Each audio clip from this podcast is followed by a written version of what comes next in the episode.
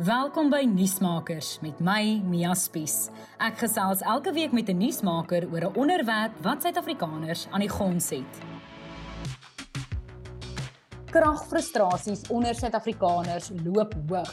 Eskom het die afgelope week fase 6 beerkrag ingestel en daar was selfs praatjies van fase 8 of hoër. Landsburgers is behoorlik keelvol, ek ook, dat daar dringende ingryping en oplossings nodig is, is duidelik. Maar wanneer gaan dit gebeur? En wat het geword van daai kragplan wat president Cyril Ramaphosa 3 maande gelede aangekondig het? 'n Kragkenner verbonde aan die Noordwes Universiteit, Corneel Skabord, sluit nou by my aan om hieroor te gesels. Corneels, hoekom sit ons nou weer in hierdie krisis? Mia, ek dink die realiteit is ons sit met swak in stand gehoude steenkoolkragstasies wat eintlik vir 'n paar jaar nie behoorlik na gekyk is nie. En wat nou gebeur is hierdie aanleg te breek. En hoe meer hulle breek, hoe minder kapasiteit is beskikbaar, dit plaas meer druk op die oorblywende stasies en dan breek hulle ook meer. So ons het so 'n tipe spiraal wat aan die gang is. En met dit het ons dan ook meer diesel nodig om die oop siklus gasturbines te bedryf wat beteken geld wat eerder gebruik kon geword het van standhouding kan nou nie daarvoor gebruik word nie. En gevolglik, daar's net baie druk om vir korter tye instandhouding te doen wat nie voldoende is nie op ou kragstasies. So dis iets wat ons al eintlik 'n hele ruk terug gesien het en dis eintlik maar net besig om te gebeur. Ek het so 'n hele ruk terug toe ek Eskom se vloot steenkoolkragstasies vergelyk met 'n 1982 Camry wat nou al 'n paar keer die klok by 'n miljoen kilometer verbygesit het en al ding is net daai Camry is nie goed in stand gehou nie.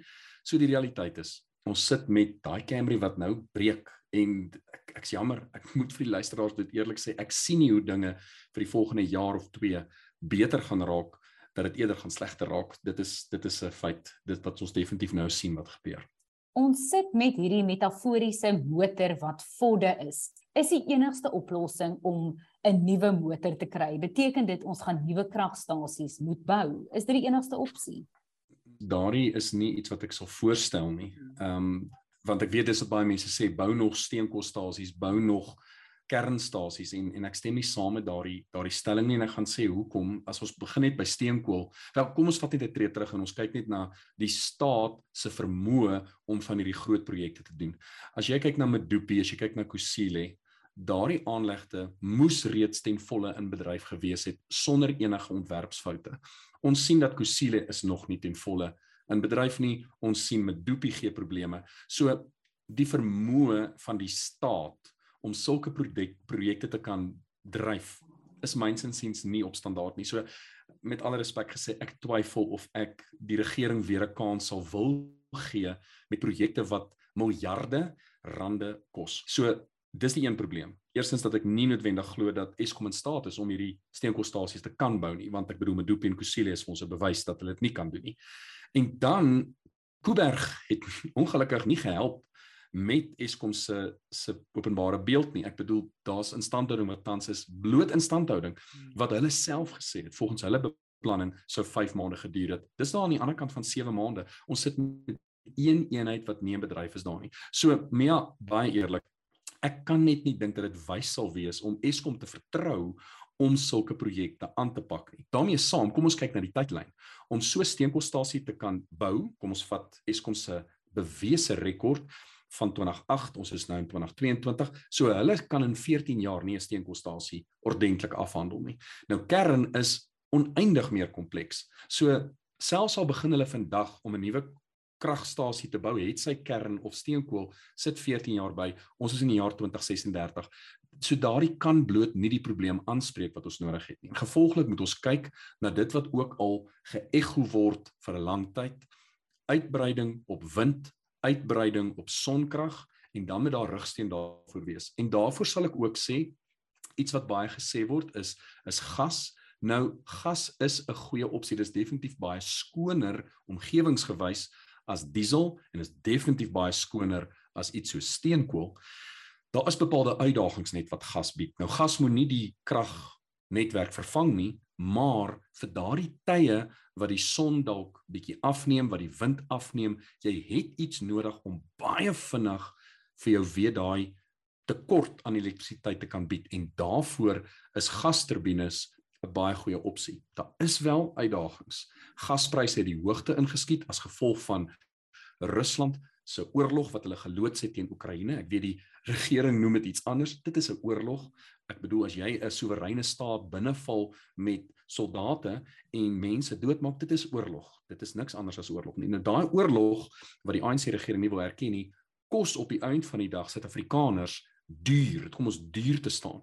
En een van dit is byvoorbeeld gaspryse. Natuurlike gaspryse het die hoogte ingeskiet juis as gevolg van dit wat daar gebeur. Nie net daar het daai Rusland krisis 'n impak op ons nie, maar ook is daar 'n probleem met die uitrol van die hernubare projekte en ons kan daar 'n bietjie verder gesels wat maak dat sekere projekte wat reeds finansiële sluiting moes gekry het, nie tans dit kry nie as gevolg van 'n verhoging in die pryse ook van hernubare energie omdat die waardeketting het duurder geword met invoer en uitvoer en kommoditeitspryse wat die hoogte ingeskiet het.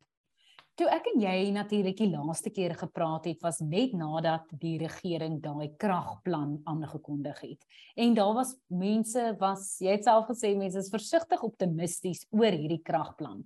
Dit is nou so 'n paar maande later. Was ons dalk te optimisties om te dink dat iets dadelik gaan gebeur? Gaan dit langer vat? Jy sê ons praat hier van 2 jaar. Onthou ons vorige gesprek en ek het ook al gesê dit gaan 2 jaar op die minste duur want sodra daai projekte aangekondig word, beteken dit maatskappye moet daarvoor be en dan die suksesvolle kandidaate moet dan finansiële sluiting kry en dan as daar goedkeuring is, dan eers word dit uh, gebou en dit vat 18 maande om op die einde van die dag daai konstruksie af te handel. So die, die 2 jaar tydlyn is, is steeds van krag.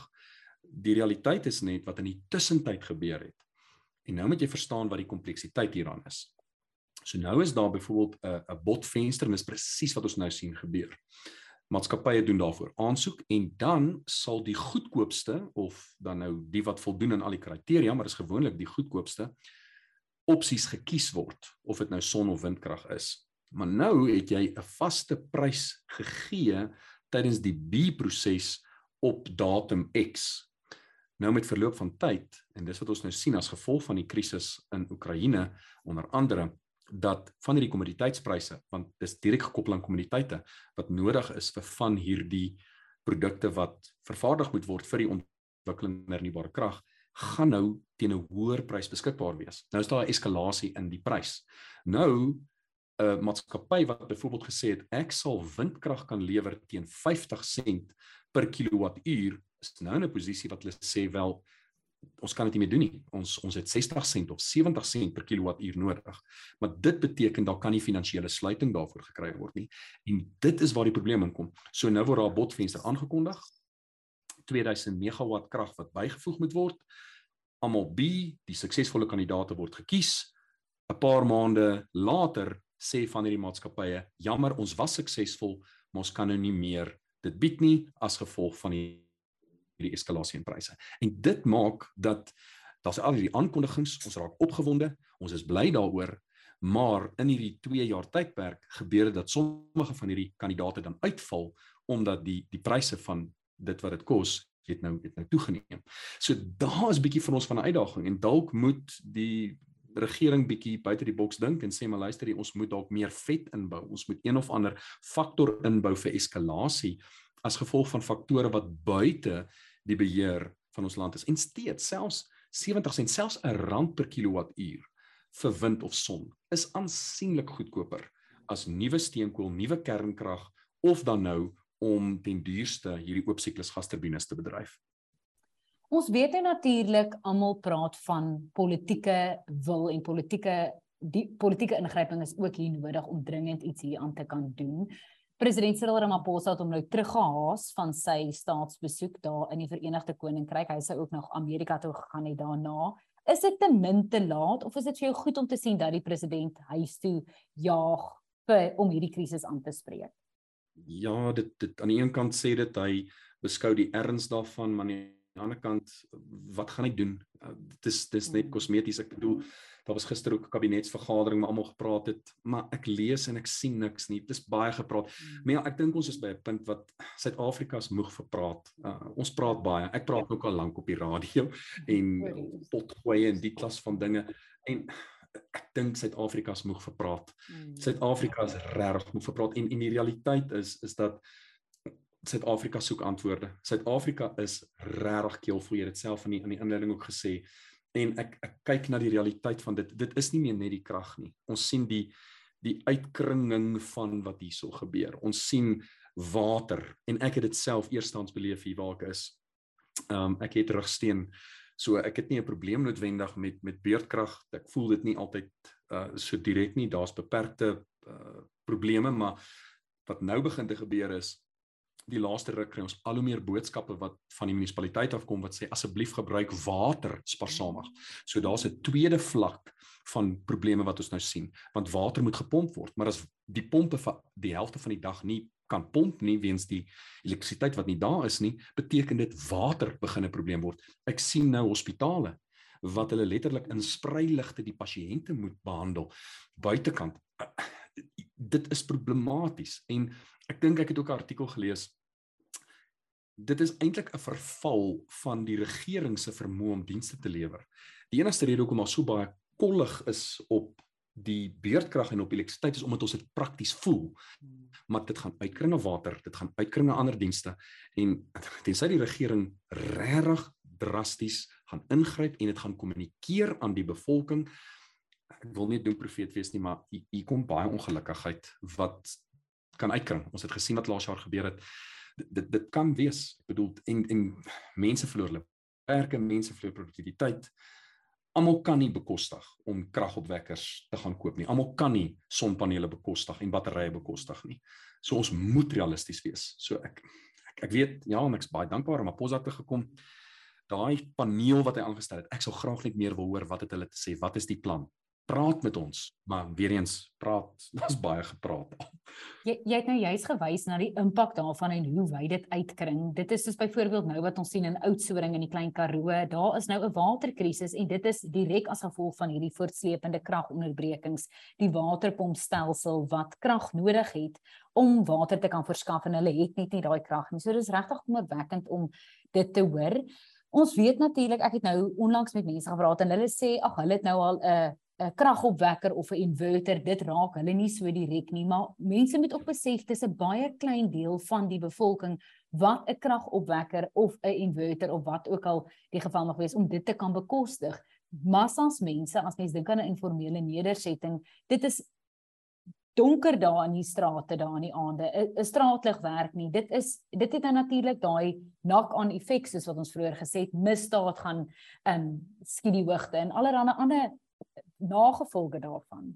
Nou jy sien en jy jy, jy raak aan 'n punt wat ook naby my hart is want hier waar ek in Potchefstroom is byvoorbeeld dit is nie moontlik vir privaat produsente of huishoudings om surplus krag terug te stoot in die netwerk nie. Dis net nie moontlik nie. Dis moontlik in plekke soos Pretoria, Johannesburg, um, in die Wes-Kaap kom dit baie voor. Maar hier's byvoorbeeld is 'n klassieke voorbeeld van 'n munisipaliteit wat bloot nog nooit die moeite gedoen het om 'n aansoek te loods by Nersa sodat die munisipaliteit krag kan terugkoop by burgers nie. En dis 'n punt wat jy maak. Ja, jy's 100% korrek. Nie alle Suid-Afrikaners kan kragopwekkers bekostig nie. Dit maak sin. Maar hier's my vraag. As die regering regtig so dringend surplus krag wil terugkoop, hoekom maak hulle dit so moeilik vir privaat individue om byvoorbeeld in 'n munisipaliteit hulle surplus kragte kan terugvoer na die netwerk. Ja, ek weet daar's mooi suksesverhale, maar in die meerderheid van munisipaliteite in Suid-Afrika is dit bloot nie moontlik nie. Daar is nie wetgewing, daar is wetgewing, maar die munisipaliteite volg nie die nodige prosesse en aansoekprosesse om dit moontlik te maak nie. En ek dink byvoorbeeld, as daar 1000 mense in 'n dorp is wat almal sit met kragopwekkers en jy kan as munisipaliteit sê ons het 'n hmm. ooreenkoms met Eskom aangegaan en ons vra vir julle ons weet tans sit julle julle julle kragopwekkers aan vir 4 ure op 'n dag en julle gebruik dit self maar kan ons julle dalk vra of julle dalk daai kragopwekker kan aanhou nadat die krag weer aangekom het. So dan beteken dit die las op die munisipale netwerk is laer en die las vir Eskom is met ander woorde laer. En dan vergoed hulle daardie individue vir die krag wat hulle dan nie van die munisipaliteit af kry nie. Sulke tipe inisiatiewe kan op die einde van die dag baie bydra want daai kostes is klaar aangegaan. Daar's klaar kragopwekkers aangeskaf. Daar's klaar sonpanele geïnstalleer. Die krag is daar en dit gaan my verstand te bowe dat die regering net eenvoudig nie dringend genoeg is om daardie beskikbare surpluskrag. Ek praat nie van sonpanele wat geïnstalleer moet word of windplase wat gebou moet word of kragopwekkers wat gekoop moet word nie. Ek praat van bestaande individue wat sit met surplus wat dit kan gee en ek weet daar's mense ek ek is self een van hulle. Die munisipaliteit kan letterlik my surplus krag verniet kry. Ek sal dit gee vir hulle. Maar die probleem is in 'n dorp soos Potchefstroom hier, JB Marks munisipaliteit, daar is nie die politieke wil nie. So ek ek glo nie altyd politici wel. Mens moet as reël nie politici glo nie. Maar as politici vir my sê hulle wil reg die kragkrisis oplos, dan sê ek soos ek stem nie saam met julle nie, want daar's genoeg munisipaliteite waar jy bloot dit nie moontlik maak vir individue wat graag die land wil maak werk toelaat om surplus krag terug te voer in die netwerk nie. En nou is daar nou nog 'n komitee op die been gebring. Jy het gesê mense moet ook nou maar wag en hoor wat hulle sê en of hulle dade by hulle woorde sit.